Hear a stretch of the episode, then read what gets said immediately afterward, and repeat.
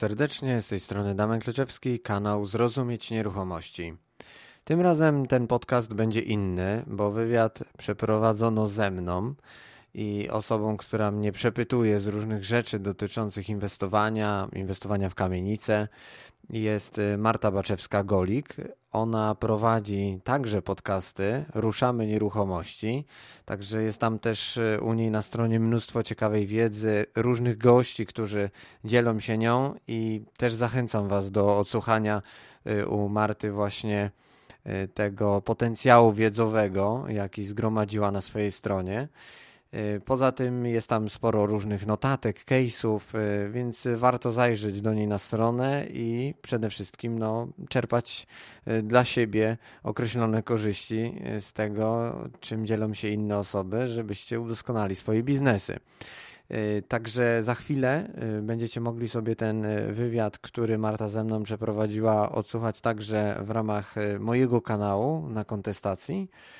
Ja tylko chciałem jeszcze powiedzieć, że pierwsza taka pilotażowa edycja szkolenia Potencjał Kamienic będzie 8-9 września i na nią miejsc już nie ma wolnych, ale zdecydowaliśmy się uruchomić już drugi termin na 26-27 stycznia 2019 i te informacje są dostępne e, o tym konkretnym szkoleniu na naszej stronie internetowej www.zrozumieć-nieruchomości.pl i tam jest zakładka szkolenia. Także dla osób, których, e, które interesują się inwestowaniem w kamienice, w to, żeby wejść na następny wyższy poziom inwestowania i mieć do czynienia z całym budynkiem lub pakietem mieszkań, to właśnie takie szkolenie kompleksowo jest e, przez nas organizowane i zapraszam te osoby, które się tym tematem interesują. Tymczasem odsyłam Was już do odsłuchania wywiadu. Cześć Damian, witam Cię bardzo serdecznie. Cześć Marto. Witaj. W ogóle super, że się nam udało zgrać i że mamy okazję się też przy okazji poznać e, dzięki temu, że umówiliśmy się na to spotkanie, bo e, gdzieś tam mignęliśmy e, na jakiejś konferencji raz czy dwa, ale jakoś nigdy nie było okazji porozmawiać, także naprawdę jest mi bardzo miło, że znalazłeś czas na to, żeby wziąć, zostać moim gościem, wziąć udział w podcaście Ruszam Nieruchomości. No na wszystko przychodzi odpowiednia pora, także mam nadzieję, że coś ciekawego wniosę do Twojej twórczości. E, słuchaj, jestem pewna, że tak, dlatego że e, Damian, zaraz powiesz kilka słów o sobie, ale ma naprawdę bardzo ciekawą historię inwestorską na swoim koncie, więc może do rzeczy, Damian, jakbyś mógł się tak w kilku słowach przedstawić i opowiedzieć trochę właśnie tej, tej swojej historii związanej z nieruchomościami naszym słuchaczom, którzy nie mieli okazji jeszcze Ciebie poznać i gdzieś tam wyśledzić w sieci, chociaż przypuszczam, że każdy wie, kim jest Damian, no ale ale, słuchaj, na pewno są takie osoby, które jeszcze nie miały okazji Cię poznać.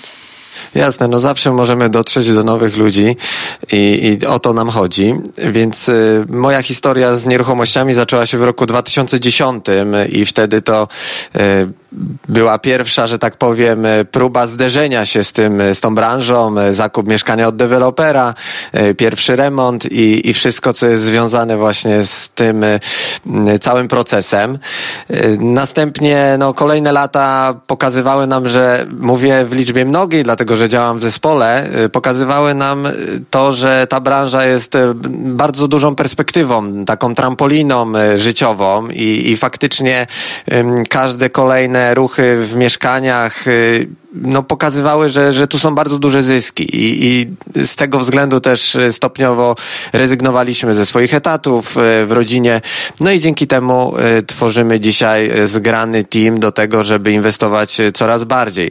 Jestem też autorem i współautorem czterech poradników o nieruchomościach. No pewnie, jeżeli większość z Was interesuje się tematem, no to miała może okazję przynajmniej zobaczyć okładkę. Taką pierwszą książką najbardziej. Tak, taką najbardziej rozpoznawalną jest skuteczne sposoby inwestowania w nieruchomości. No i ta najnowsza kompendium inwestora, więc y, ktoś, kto śledzi temat y, różnych poradników, no to na pewno gdzieś mógł y, zobaczyć. Zresztą tych poradników jest coraz więcej, więc nie możemy mówić o tym, że wiedzy brakuje. Wiedzy bym powiedział, że jest bardzo dużo, tylko kwestia, żeby korzystać z tej właściwej wiedzy albo tej właściwie uporządkowanej. No i kwestia tego, żeby faktycznie zacząć działać, nie? Bo wydaje mi się, że też jest często tak, że ludzie mm, mają przesyt z kolei wiedzy, za dużo jej mają w głowie, jeżdżą od szkolenia do szkolenia, od konferencji do konferencji, książka, książka, książka, a po prostu brak tego działania, nie, nie ma tego wcielenia w życie. Tak, no i jest to bardzo duży e, problem, jeżeli chodzi o początkujących e, inwestorów, którzy w ogóle zamierzają wejść w rynek, bo e, kiedyś czytałem taką książkę bardziej motywacyjną, która dała jeden podstawowy wniosek, że taką głównym, takim głównym jakby elementem sukcesu w każdej właściwie branży są dwa kroki. Wiedzieć i działać. Czyli masz wiedzieć, bo pojedziesz na szkolenie, poczytasz książki, posłuchasz sobie ciekawych podcastów, a następnie przejść do praktycznego działania. I często ludzie nie robią tego drugiego kroku, nie działają praktycznie i przez to zatrzymują się tylko na wiedzy. Dokładnie i, i takiego poczucia, że bez sensu jeżdżą na to szkolenia, że to nic nie daje.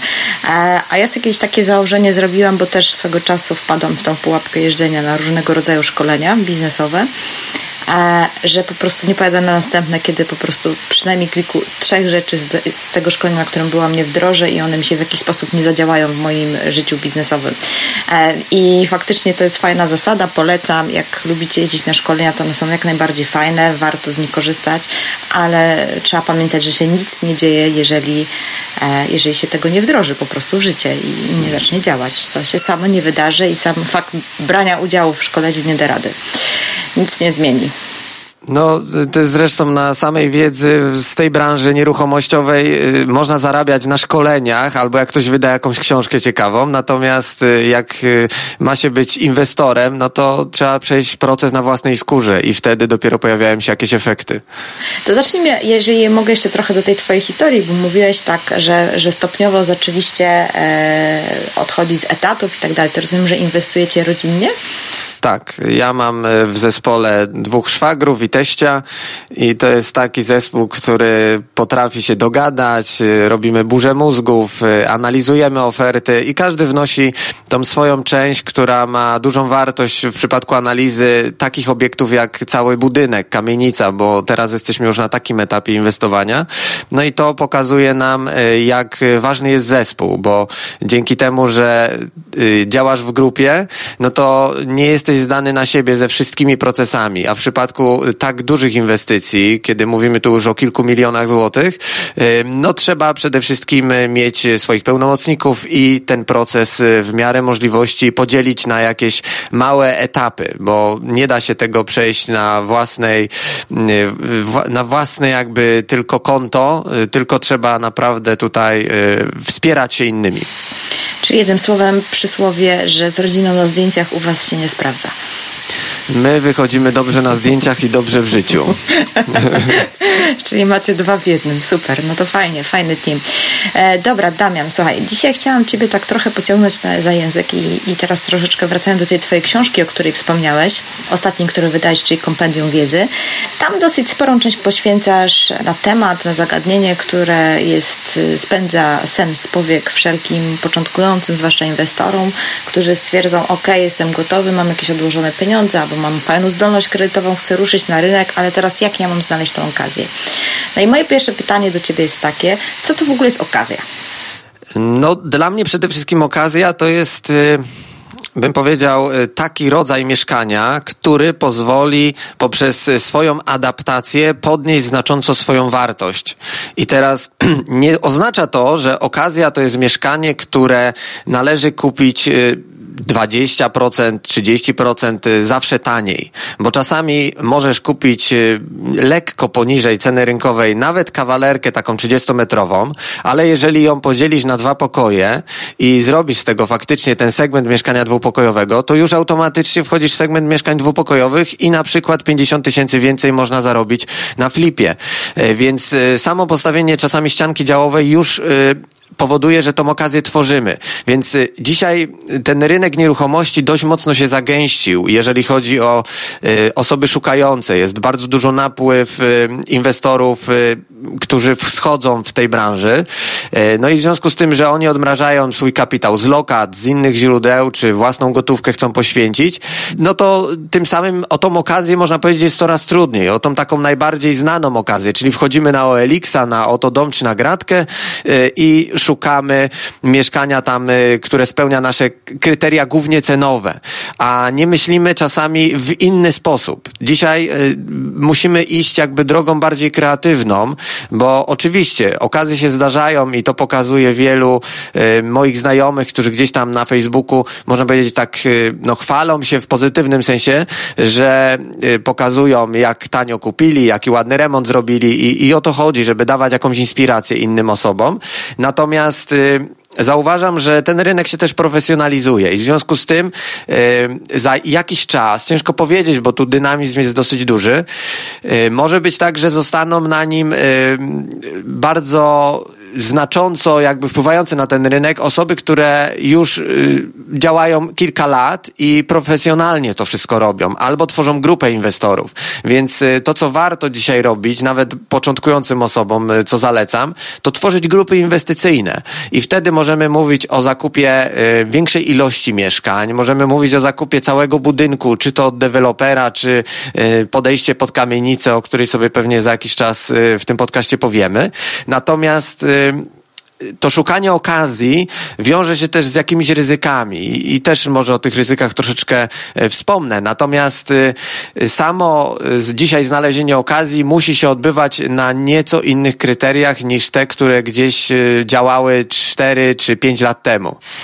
Ty w swojej książce takie fajne zdanie zamieściłeś, że być może je trochę przeinaczam, bo nie pamiętam, ale nie trzeba czekać na okazję, że trzeba ją sobie stworzyć i wykreować tak jakby i i ja często się spotykam z tym, e, jak, jak prowadzę różnego rodzaju swoje szkolenia czy webinary lub mam kontakt e, z, z ludźmi na jakichś spotkaniach, że trochę gdzieś właśnie brakuje takiej przedsiębiorczości w, w tym inwestowaniu. I też ostatnio doszłam do takiego wniosku, że dzisiaj bardzo wiele osób chce być inwestorami, a zapominają, że inwestowanie to jest tak naprawdę też biznes i potrzeba jest tej przedsiębiorczości, tego właśnie tej umiejętności kreacji, dochodu z czegoś, co dzisiaj jeszcze nie jest tym, co za chwilę nam da dochód. E, I jakbyś mógł tutaj się do tego odnieść i podać nam może jakieś przykłady z życia wzięte, jakichś e, konkretnych case'ów, e, gdzie faktycznie była nieruchomość, która tak naprawdę no, wydawała się być no, taka se, jeżeli pod kątem inwestycyjnym, a po prostu udało Wam się z tego zrobić jakąś fajną inwestycję. Jasne, no takich przykładów mogę podać kilka i może tylko na początku powiem coś takiego, że y, samo inwestowanie w nieruchomości i to, co mówisz, że wymaga tej umiejętności nastawionej na przedsiębiorczość, jest procesem bardzo złożonym, bo też, y, żeby wykreować w sobie te umiejętności, no trzeba działać i, i to praktycznie działać, no bo to nie jest tylko sam zakup mieszkania, tu trzeba mieć umiejętności organizacyjne, żeby to wszystko fajnie funkcjonowało i cały temat związany z daną inwestycją spiął się nam w odpowiednim zakresie czasowym, bo to nie na tym ma polegać, że kupimy mieszkanie tanio, a będziemy je remontować rok, y, bo ten pieniądz się zdywersyfikuje i nie będzie już miał tej wartości. Albo taka okazja, że kupuję tanio i jutro sprzedaję od razu drożej, nie? No to czasami się zdarza, ale to są naprawdę wyjątkowe sytuacje. Tak, tak. I że nic, właściwie nic nie robiłem, kupiłem, sprzedałem. Mhm. Kupić tanio, sprzedać drogo i jest fajnie, nie? To tak nie działa, nie do końca. No czasami komuś brakuje po prostu odwagi na to, żeby tak szybko ten proces przejść, szczególnie na początku, jeżeli mówimy o początkujących inwestorach. Y, tak mogą działać osoby, które już wielokrotnie obróciły jakimiś mieszkaniami, bo wiedzą, że po prostu y, muszą przerzucać pieniądze y, bardzo szybko gdzieś w jakieś kolejne inwestycje, bardziej dla nich ciekawe, albo robią po prostu skalę i nie zależy im na tym, żeby robić remont na ładnie, że tak powiem, tylko po prostu wiedzą, tanio kupiły, zaraz to i tak pójdzie w dobrej cenie dla nich i tak y, do remontu dla kogoś innego, czy swojemu znajomemu to sprzedadzą. Y, też y, cała ta umiejętność polega też na pewnych strategiach, bo to nie tylko jest mieszkanie, to są też zakresy związane z podatkami, z księgowością, z tym wszystkim, co się wiąże z całym procesem zakupu remontu i sprzedaży, bo na każdym z tych etapów są oszczędności do zrobienia, które dają ten końcowy zysk. Mhm. Jasne. No i teraz y, przechodząc jakby do konkretnych przypadków, y, które mają pokazać y, wartość, jaką się udało wykreować, no to przykładowo.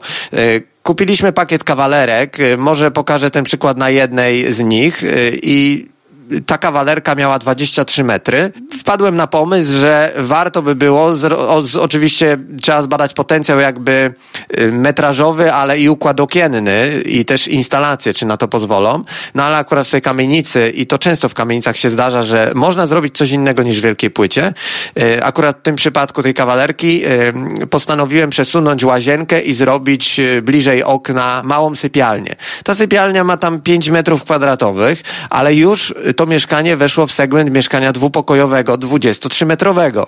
Tym samym zostało wycenione nie na tam 160 tysięcy w operacie, tylko na prawie 200. E, I tylko ten element y, spowodował y, tak dużą, y, tak duży wzrost na wartości. A dodam, że zakup tej kawalerki e, był na poziomie 80 tysięcy złotych plus remont 25. E, więc skok jest znaczący, tak? Czyli dla mnie okazją teraz jest zwrot z danej inwestycji na poziomie między 80 a 100%. Jest to bardzo dużo, ale to jesteśmy w stanie osiągnąć, kiedy wchodzimy w pewien pułap ilościowy, czyli kupujemy dużo mieszkań od jednego e, sprzedającego albo kupujemy budynek, bo wówczas tą okazję sobie kreujemy powtarzalnie. I mhm. to nie jest tylko y, zysk na poziomie jednego lokalu gdzieś tam się fuksnęło, tylko jest to proces bardzo przemyślany, bo też remonty idą w, równole, w równoległym jakby etapie i też w równym czasie może następować ich sprzedaż, czy też doprowadzenie do wynajmu. Kolejny taki przykład to są mieszkania też małe, bo 25-7 metrowe kawalerki, które podzieliliśmy na trzy pokoje. I te trzy pokoje są y, no małe, na bo mają... 25 metrach? Tak, na 25 metrach. Okay. Możesz y, później zamieścić rzut tego, ja ci podeślę. O, dla... bardzo chętnie, bardzo chętnie. W notatkach do podcastu wrzucę. Tak, i wtedy sobie słuchacze zwizualizują to, co mówię, y, bo to czasami wydaje się bardzo ciasne w mentalności. No, trzeba przyznać, że 25, no to wychodzą trzy pokoje, co po... Miały chociaż 6 metrów te pokoje? Yy, tak, jeden był największy, czyli miał 6,5 metra, a drugi miał yy, niecałe 5, a ostatni miał 3,6 metra. I mhm. to się daje robić na poziomie kawalerek 30 Czyli wchodzimy w segment po prostu inwestycji kapsułowych. tak. No, no są to, y, tworzymy taki mikroświat dla najemców, można powiedzieć. Mhm. Natomiast y, nie ma sensu y, robić kawalerki do najmu na dwa pokoje. No chyba, że ją bardzo tanio kupiliśmy i nam zależy na dywersyfikacji, że każdy pokój tam będzie osobno y, przynosił przynajmniej 200 zł więcej niż czynsz z samej kawalerki, bo to się nam po prostu nie zamortyzuje. Natomiast już trzeci pokój robi różnicę, bo jak mamy 600 więcej, no to taka kawalerka przynosi nam y, tego przychodu na poziomie 1800 500 zł. I wynajmujecie ten 3, 3-metrowy pokój za 600 zł? Za 550. Naprawdę? Tak. Wow. Plus 100 zł za media. E, więc Ale to się... się mieści. Tak. E, jest to tapczan, 1,80 m, także ze spokojem. Spoko. No e, Mogę ci też podesłać zdjęcie, jak wygląda ten pokój, żeby ten, ten podcast był bogatszy o jakąś dokumentację. O dokumentację. Bardzo chętnie przyjmę te zdjęcia. Nie tak się trochę śmieję, ale faktycznie, bo w Polsce jeszcze mamy o taką fajną przestrzeń, że nie ma regulacji, bo na przykład w Wielkiej Brytanii już te wszystkie najmy na pokoju są regulowane i tam zdaje się, że chyba 6 metrów musi być, mieć jeden pokój, ale nie mam pewności co do tego metrażu. Tu się mogę Marty upewnić, bo ona się zna na tych e, metrażach, ale są już, no wiesz, uregulowane kwestie przestrzeni życiowej dla, dla takiego najemcy. Zanim się też w Polsce e, tak mocno zaostrzy prawo, czy też kontrole ewentualne, minie jeszcze sporo czasu i w tym okresie kiedy się to nie dzieje, że nie ma jakichś takich restrykcji, mamy oczywiście możliwość zamortyzowania przynajmniej kosztów remontu, czy też częściowo zakupu. Pytanie, ile lat to potrwa. Natomiast zawsze jest możliwość e, przeadaptowania tej kawalerki na to, co było wcześniej, tak? Jasne. Czyli większy, większy metraż 25, 27, 30 metrów i sprzedać to w rynek w odpowiednim czasie. E, ten produkt jest, bym powiedział, trafia do dwóch grup. Kawalerka zawsze będzie miała dobry popyt na rynku i ja teraz tylko w takie inwestuję. Natomiast z drugiej strony y, jest to dodatkowa opcja, kiedy możemy ten pokój zrobić. Jeden czy dwa i wówczas y, jest to produkt inwestycyjny, dobry do najmu. I mhm. wtedy trafiamy w segment inwestorów, którzy są zainteresowani wyłącznie kalkulacją matematyczną, czyli jak stopa zwrotu jest na poziomie na przykład 10%, to ja w to wchodzę, bo mi to odpowiada. Kiedy w Warszawie mamy 3-4%, dzisiaj standardowo, no to w Poznaniu y, jak jest jest 8-9, no to to ludzi przekonuje i są w stanie przerzucać kapitał. Ja osiągam stopy zwrotu na poziomie 17% z kawalerek, więc y, jest to dość wysoki pułap, ale tylko i wyłącznie z tego względu, że kupujemy tych mieszkań po prostu dużo i one są dla nas jednostkowo tańsze. Więc ciężko jest osiągnąć cenę za kawalerkę y, dzisiaj w dużym mieście y, takim wojewódzkim mniejszą niż 150-160 tysięcy, tak? Bo płacimy za drzwi, a ceny za metraż, za metr kwadratowy kawalerki wydają się bardzo wysokie, bo podchodzą pod 10 tysięcy, czy przekraczają 10 tysięcy, tak? Ale i tak ten najem i zakup samej kawalerki jest bardzo korzystny. Jasne. Dobra, to porozmawiajmy teraz o tych kamienicach. To rozumiem, że kupujecie całe budynki, e, całe kamienice i przerabiacie na takie małe mieszkania? Jest to dwojakiego rodzaju podejście. Albo jest to cały budynek, albo jest to pakiet mieszkań. Pakiet mieszkań, y, działamy tutaj we współpracy z innymi spółkami, mhm. które mają już y, pewne możliwości w takich procesach, które wiążą się z y, czyszczeniem na przykład jakichś tam zawiłości prawnych, z wyprowadzką lokatorów, tak żeby to wszystko przebiegało w sposób humanitarny, ale też w miarę szybki i no jak najbardziej korzystny też pod kątem tych wszystkich rzeczy, które trzeba z kamienicą zrobić. Bo też trzeba pamiętać, że każda kamienica jest inna, jest to proces y, złożony już na etapie analizy. I tu jeszcze może jako trzeci przykład, y, zanim zacznę mówić trochę więcej o kamienicy i kreowaniu w nich okazji, warto powiedzieć, żeby osoby, które gdzieś tam zaczynają, mogły zwrócić uwagę na potencjał, który się kryje z, z poddaszem albo z piwnicą, bo często są to pomieszczenia bardzo zaniedbane, y, no i wspólnota, czy tam właściciele, no niespecjalnie mają na to pomysł, więc y, piwnice mają znowu jakieś tam kwestie związane z wysokością, z wielkością okien, czy tam z wilgocią, ale chociażby y, ostatni przykład kamienicy, którą robiliśmy w Poznaniu, pokazuje, że z samych piwnic, które mieliśmy de facto za darmo.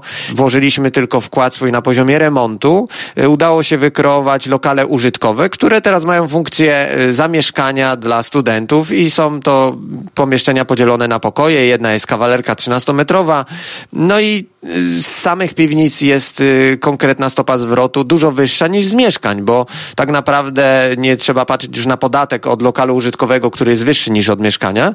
Natomiast y, wartością jest to, że jest bardzo niska cena zakupu takich y, przestrzeni. Oczywiście one się muszą nadawać na to, żeby no, wprowadzać tam ludzi i przeprowadzić cały ten zakres remontowy, który jest dużo bardziej skomplikowany, droższy, ale też no, ten końcowy efekt jest bardzo podobny do tego, co się dzieje w płycie, czy w mieszkaniach na wyższych kondygnacjach w kamienicy. Mhm.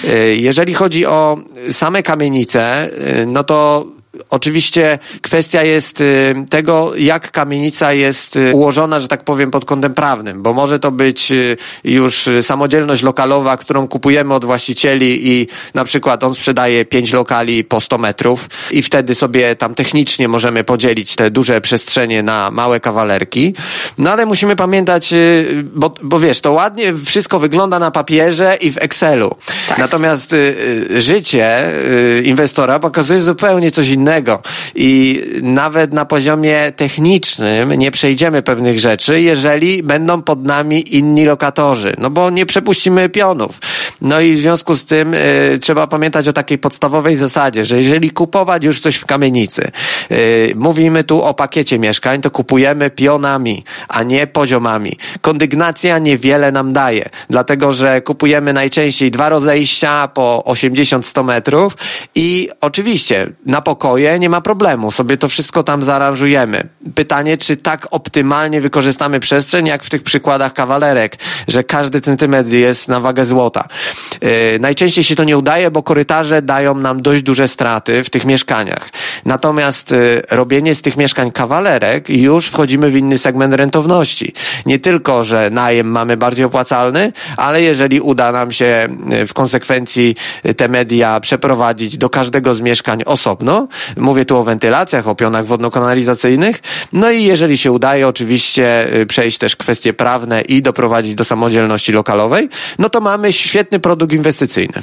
Właśnie chciałam się o to pytać, czy udaje Wam się takie lokale wtedy wyodrębnić? Tak, y, no to jest główny cel, bo w kamienicach jest y, taka sytuacja, że patrząc historycznie, nie ma e, zachowanych dokumentów inwentaryzacyjnych, nie ma pozwoleń na budowę, wytwarzania tych budynków, no i całej tej dokumentacji technicznej, na podstawie której można by było się oprzeć, że tam było tyle, czy tam mniej mieszkań, prawda? Więc jakby to daje pole do tego, że inwestor, który wchodzi w kamienicę, powinien jakby sam stworzyć tą inwentarkę pod siebie. Rozumiem. Czyli korzystacie z tak zwanych e, luków dokumentacyjnych. Y, to nie są do końca luki, to są, to są bardziej y, dokumenty, które wiemy, że kiedyś musiały być, ale one się nie zachowały w żadnym archiwum i trzeba te dokumenty na nowo stworzyć. A inwestor, jak już wchodzi w budynek, no to stworzy je pod siebie, prawda? No, oczywiście, że tak. Oczywiście, że tak. E, czyli, no, bo myślałam na początku, że, że, że to szykujecie pod najem, nie wyodrębniacie tych lokali, ale jak wyodrębniacie, to to jest faktycznie dosyć długa procedura i z pewnością to nie jest pewnie dla początku inwestora? Y, procedura nie jest aż tak bardzo straszna i skomplikowana, natomiast tą trudnością jest dobrej cenie nabyć kamienicę i mhm. wyprowadzić e, najemców, którzy no nie są dla nas targetem końcowym, że tak powiem.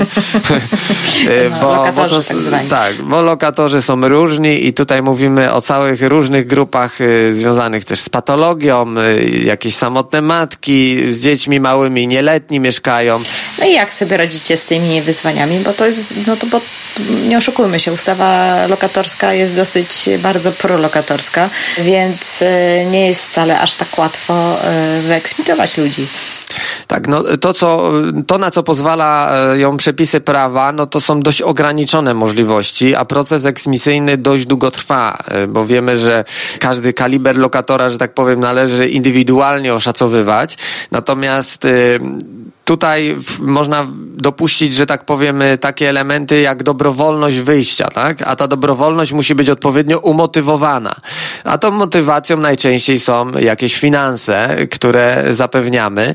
Natomiast z drugiej strony yy, możemy myśleć o znalezieniu innego, mniejszego często lokalu niskoczynszowego w podobnej lokalizacji i temu najemcy ten lokal na przykład odświeżyć, poprawić jego standard, yy, niż to, co ma obecnie, bo często są to bardzo zaniedbane, duże lokale i jedna tam starsza osoba no, sobie po prostu z tym wszystkim nie radzi, więc zdecydowanie łatwiej zgodzi się na to, żeby się przenieść kawałek dalej, ale do mniejszego lokalu, na przykład 40-metrowego, a wcześniej mieszkała w 100-metrowym e, całym skrzydle kamienicy i paliła w piecach e, kaflowych.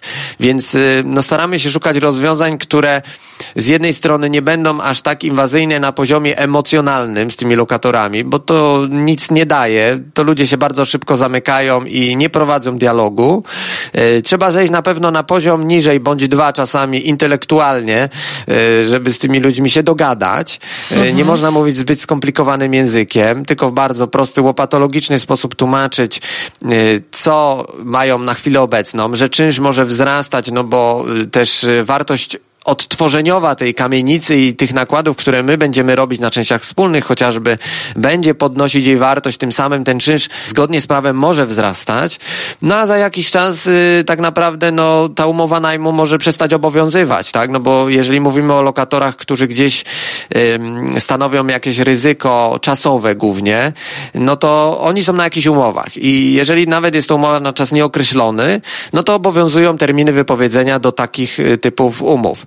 No i ten czas kiedyś minie i ta osoba powinna wtedy wyjść. Najczęściej nie wychodzi, no bo wiadomo, że e, zajmuje lokal już wtedy bezumownie, no ale są e, rozwiązania, no, które nie zabraniają na przykład dokwaterować kogoś y, do tej osoby. My nie wejdziemy, ale inny najemca już może. Y, więc y, to są już takie, bym powiedział, ostateczne kroki gdzieś, które są może najmniej przyjemne dla tego lokatora, ale sztuką jest się dogadywać i to dogadywanie się pozwala osiągnąć jakieś porozumienie z tymi ludźmi, którzy są naprawdę w trudnych sytuacjach nieraz i widzimy w, jaki, w jakim standardzie mieszkają.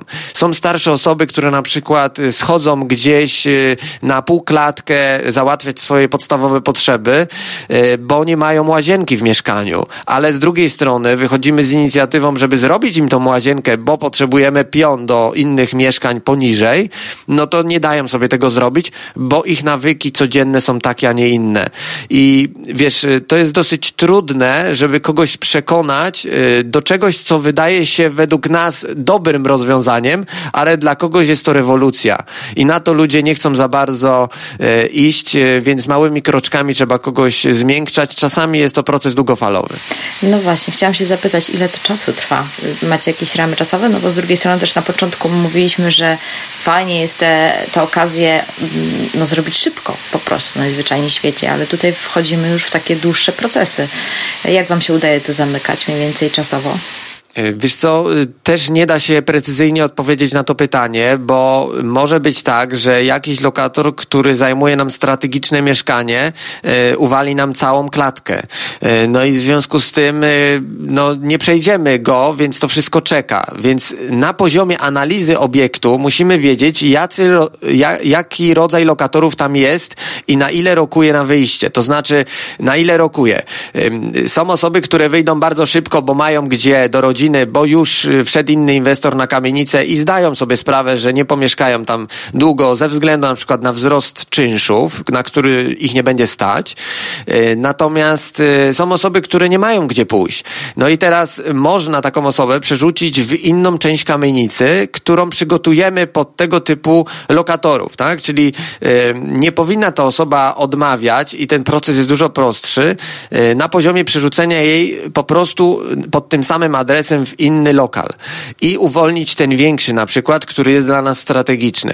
Natomiast y, nie da się przy, y, przyłożyć jakiejś takiej ramy czasowej na to, y, ilu jest lokatorów i ile czasu to, to zajmie. Dlatego kamienica musi być kupiona tanio lub ten pakiet lokali bardzo tanio i to daje nam ten bufor bezpieczeństwa. No bo wiesz, jeżeli ja nie zarobię 100% na flipie, no to zarobię 80%. A teraz pokaż mi inwestorów, którzy regularnie osiągają takich taki zysk. Więc jest ich, no więc Wiesz, właśnie. Jak osiągają 20-30%, to tak. już z reguły się cieszą, nie? Tak, e, więc ja mam dość duży bufor tego zysku, który może się końcowo pojawić. Więc jeżeli on mi się stopi o 20%, to ja nie będę płakał. Natomiast osoba, która ma problem z lokatorem i kupiła tylko jedno mieszkanie w kamienicy i, i tutaj jej się ten proces będzie przyciągał, no to tym samym tego zysku nie wygeneruje e, przez 6 e, miesięcy, rok czy nawet dwa, więc y, ona jest ewidentnie w plecy. Ja mogę ten zysk wygenerować na innych przestrzeniach w całym budynku i tu mówimy wtedy o dziedzińcu, o poddaszach, o piwnicach, y, czyli tam, gdzie nikt nie zagląda tak naprawdę i, i wtedy ten zysk jest y, nadrabiający temu, co jest na tą chwilę zablokowane, a za jakiś czas będzie uwolnione. Jasne, jasne. Słuchaj, a co myślisz o, o, o domach? No bo to jest taka E, taki sektor, który się słabo sprzedaje, tym bardziej, że wiemy, jak się kiedyś budowało domy. Duże, wielkie, bo przecież będzie mieszkać, będę tam mieszkać ja i trójka mojego, e, trójka moich dzieci z rodzinami i tak dalej, i tak dalej. I teraz te domy tak stoją, sobie stoją i, i tak za bardzo nikt ich nie chce. I jak, jak sobie obserwuję tutaj ten mój rynek trójmiejski, no to faktycznie naprawdę czasami e, mają bardzo dobre ceny, jeżeli patrzymy o ceny z metra. Myślisz, że to jest też potencjał taki do przerabiania na, na mieszkania, czy w domach są jakieś e, inne wyzwania albo ryzyka, o których ktoś może nie wiedzieć? Z domami bym powiedział jest y, troszeczkę y, podobnie jak z kamienicą. Musimy oczywiście zbadać potencjał tej nieruchomości i cel y, końcowy jaki ma być, bo jeżeli planujemy obrócić domem jako flipem i trafić do grupy rynkowej, no to wystarczy zrobić jego remont i szukać klienta w postaci młodej rodziny. Natomiast drugą grupą są inwestorzy, którzy no będą chcieli wykreować w tym domu jak największa, jak największą przestrzeń y, tego zwrotu z inwestycji, czyli kawalerek bądź mieszka lub przerobić to na pokoje. No i teraz y, jeżeli dom pozwala wewnętrznie bardzo dużo zrobić w zakresie pokoi, czy też y, osobnych kawalerek, bo można jakieś tam wejścia, rozejścia porobić wewnętrznie, no to ma to sens, tak? Natomiast y, w związku ze zmieniającym się prawem y, od y, tego roku, od stycznia, y, dość mocno się to ograniczyło w zakresie y, działań, którzy, które wykorzystywali deweloperzy, czyli z domu jednorodzinnego, bo tak jest plan zagospodarowania przestrzennego na danym terenie robiono budynki wielorodzinne de facto, bo wykorzystywano luki w przepisach. No i to zostało ukrócone. Oczywiście rykoszetem też to poszło w kamienice, natomiast kamienice są jeszcze odporne jakby na, na, ten, na tą ustawę, natomiast domy już nie. I teraz chcąc zrobić przez inwestora taki budynek na kawalerki i zrobić w nich osobne księgi wieczyste, to jest to już niewykonalne, tak? Możemy ten dom podzielić na dwa lokale, na pół, znieść współwłasność, więc na tym poziomie wykreować jakąś wartość, zrobić y, sobie taką, takiego bliźniaka, można powiedzieć, tak? Natomiast y, same domy, mają y, potencjał, bym powiedział, bardziej na najmy takie właśnie na pokoje czy na kwatery pracownicze. Zwróć uwagę, że w każdym dużym mieście, no też Trójmiasto y, jest y, oblegane też przez Ukraińców, tak jak i Poznań, Warszawa, Kraków, więc tych pracowników napływowych jest bardzo dużo. I teraz oni nie potrzebują dużego standardu i wśród moich znajomych są osoby, które przerabiają domy właśnie na kwatery pracownicze.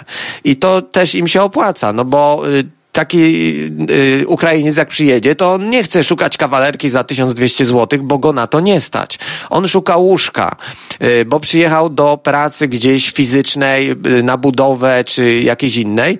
No i takie łóżka wynajmuje na miesiąc na przykład za 400 zł i to jest w jego zasięgu. Y, no i on jest zadowolony, bo przyjeżdża z grupą dwóch, trzech znajomych, zajmują sobie pokój wieloosobowy i wszyscy są zadowoleni, a standard tego domu wówczas nie musi być aż tak wysoki, że żeby takich gości przyjmować. Więc y, mówimy tutaj o takiej strategii najmu krótkoterminowego, która y, przy, w przypadku domów jest jak najbardziej realna. Oczywiście domy y, powinny mieć też potencjał lokalizacyjny, czyli w miarę dobry dojazd y, lub skomunikowanie z dużymi firmami, które gdzieś mają dużą chłonność tych pracowników. Y, no i jeżeli ten przepływ na danym terenie jest y, odpowiedni, no to będziemy mieć stabilny biznes. Szukając gdzieś domu na wioskach czy daleko poza miastem, no to jest to dość słaby temat, bo tam lokalizacja po prostu no nie jest biznesowa, tak? Jasne. Więc jakby od tej strony mamy, mamy zupełnie inne opcje. Ale jak najbardziej blisko miast, Sopot, Gdynia, Gdańsk y, ma duży potencjał przepływu pracowników. Myślę, że nie tylko y, miasta, ale jest wiele takich y, miast w Polsce, które mają potencjał, a faktycznie domy z racji tego, że są z założenia większe, mają mniejszy popyt niż małe lokale. A zajmowałeś się kiedyś konwersją lokali, na przykład nie wiem, z mieszkalnego na, na, na, na biurowy, czy tam na odwrót?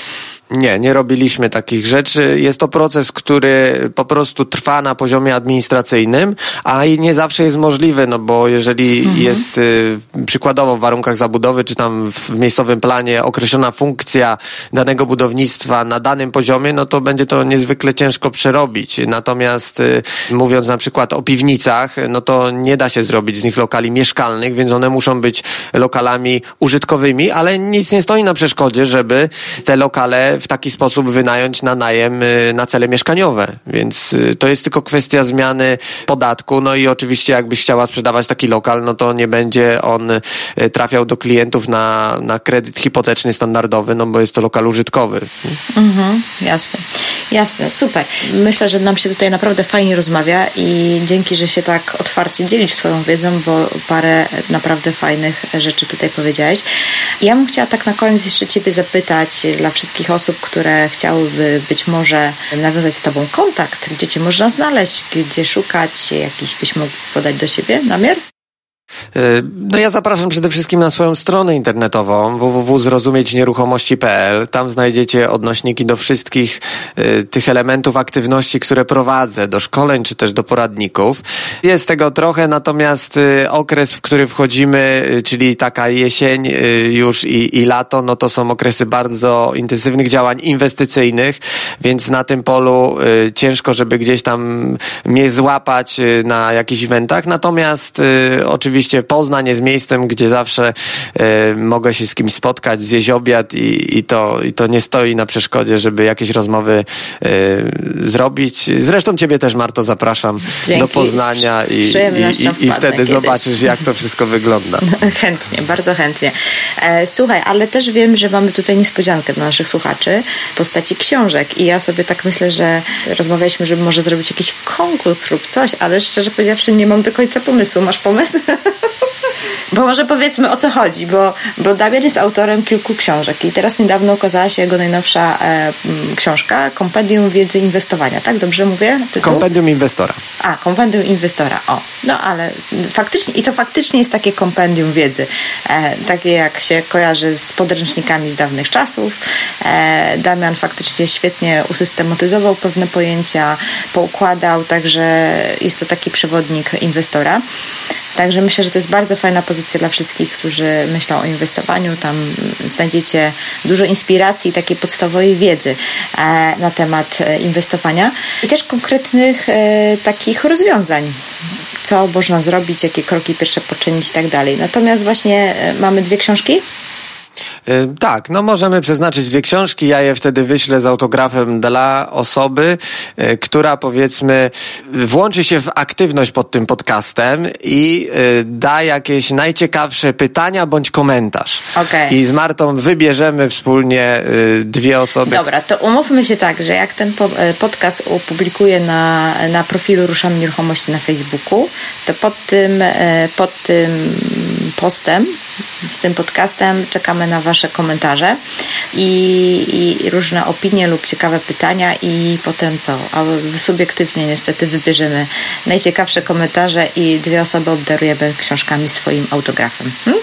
Tak, dokładnie. Dobra, no to super, to tak, tak, to, tak to zrobimy. E, warunki, warunki mamy ustalone, wcześniej tego nie ustaliliśmy, więc właśnie się dogadaliśmy, także jesteście świadkami. Dobra, słuchaj, chyba będziemy powoli kończyć. Wielkie dzięki za, e, za poświęcony czas i za nasze spotkanie. E, słowo podsumowania chciałabyś jeszcze jakoś tak to wszystko spuentować i, i, i zakończyć? No ja bym powiedział coś takiego, że tak jak y, kiedyś Pablo Picasso, jak czytałem y, o nim troszeczkę, on jak zaczynał tworzyć jakąś swoją produkcję, obraz w jego przypadku, tak jak ja zaczynam tworzyć jakiś plan na przykład na mieszkanie czy na budynek, to zawsze się okazuje na samym końcu, że powstaje zupełnie coś innego. Więc w tym jakby duchu daję wam pole do rozwijania kreatywności, bo na pewno wchodząc w mieszkanie większe, czy też w budynek, pojawi się Wam tyle dodatkowych opcji, których wcześniej nie planowaliście, że staniecie się na pewno bardziej kreatywnymi inwestorami. Jednym słowem jest to, e, jest to zawód dla osób, które lubią niespodzianki. Ale może tak na zakończenie jakiś, jakiś chociaż jeden przykład, e, taka rada złota, która e, wiąże się z tym, jak uniknąć e, jakichś potencjalnych ryzyk, właśnie jeżeli ktoś chce wejść w, na przykład w większe mieszkanie i, i je podzielić i, i wykreować z nim dodatkową mm, wartość. No to podpowiem Wam coś takiego. Ważnym elementem w przypadku dzielenia dużego mieszkania na mniejsze jest zrobienie w każdym z tych mieszkań wentylacji. Tym elementem, który pokaże nam, czy da się to w ogóle zrobić, jest inwentaryzacja kominiarska. Czyli warto zlecić kominiarzowi przeprowadzenie takiej inwentaryzacji kominów y, na poziomie tego lokalu, na ile one są drożne i do czego służą. Bo niektóre kominy, te szachty kominowe, służyły do piecy kaflowych do piecyków gazowych lub były wentylacją. I teraz nie wiemy, które są do czego, bo jest wszystko wymiksowane. I w związku z tym, że y, nasz cel jest bardzo taki y, napalony na y, zyski, y, no to musimy mieć pewność co do tych wentylacji. I teraz y, kominiarz nam powinien to wskazać na poziomie inwentaryzacji i ona nam wyznaczy, czy się da zrealizować to. Jeżeli nie, no to wtedy sprawdzamy możliwość Y, czy któreś kominy są nieczynne. Jeżeli są nieczynne i nieużywane przez innych użytkowników na dole czy do góry, no to wówczas y, staramy się ten komin maksymalnie udrążnić i przejąć dla siebie. Więc y, sama wentylacja jakby pokaże nam, czy zrobimy kawalerkę, a to już jest zysk na poziomie na przykład 150 tysięcy. Super, super. No myślę, że to jest konkretna rada, a z drugiej strony, jak tego nie sprawdzicie, to faktycznie jest spore ryzyko, że się później nie uda zrobić tego, co planujecie, pomimo, że na przykład rozkład pomieszczeń, czy w ogóle rozkład e, tego mieszkania sugeruje, że da radę to zrobić i wygląda to do pierwszego rzutu oka fajnie, a faktycznie te przewody e, wentylacyjne są istotne. Sama też miałam kilka razy z tym wyzwanie, ale e, wszystko da się zrobić pod warunkiem, że jest jakiś dodatkowy wolny komin, który może uratować sytuację, chociaż czasami z tymi kominami jeszcze jest tak, że przepisy się w międzyczasie zmieniały. I tak jak kiedyś mogły iść tam, nie wiem, być podłączone kilka lokali w jeden komin wpięty, tak teraz niekoniecznie i to też czasami komplikuje. Więc zdecydowanie warto na to zwrócić uwagę. Dobra, słuchaj, wielkie dzięki za nasze spotkanie, za czas i za tę rozmowę. Myślę, że dużo wartości e, z tego nasi słuchacze wyciągną dla siebie, a my pewnie się będziemy gdzieś widzieć na jakichś różnych e, eventach lub w przestrzeni internetowej e, związanej z nieruchomościami, być może nie tylko. Także jeszcze raz wielkie dzięki za spotkanie. Ja Ci również, Marto, dziękuję i pozdrawiam wszystkich. Pozdrawiamy. No i piszcie komentarze, nie? Bo książki dwie czekają. Na razie.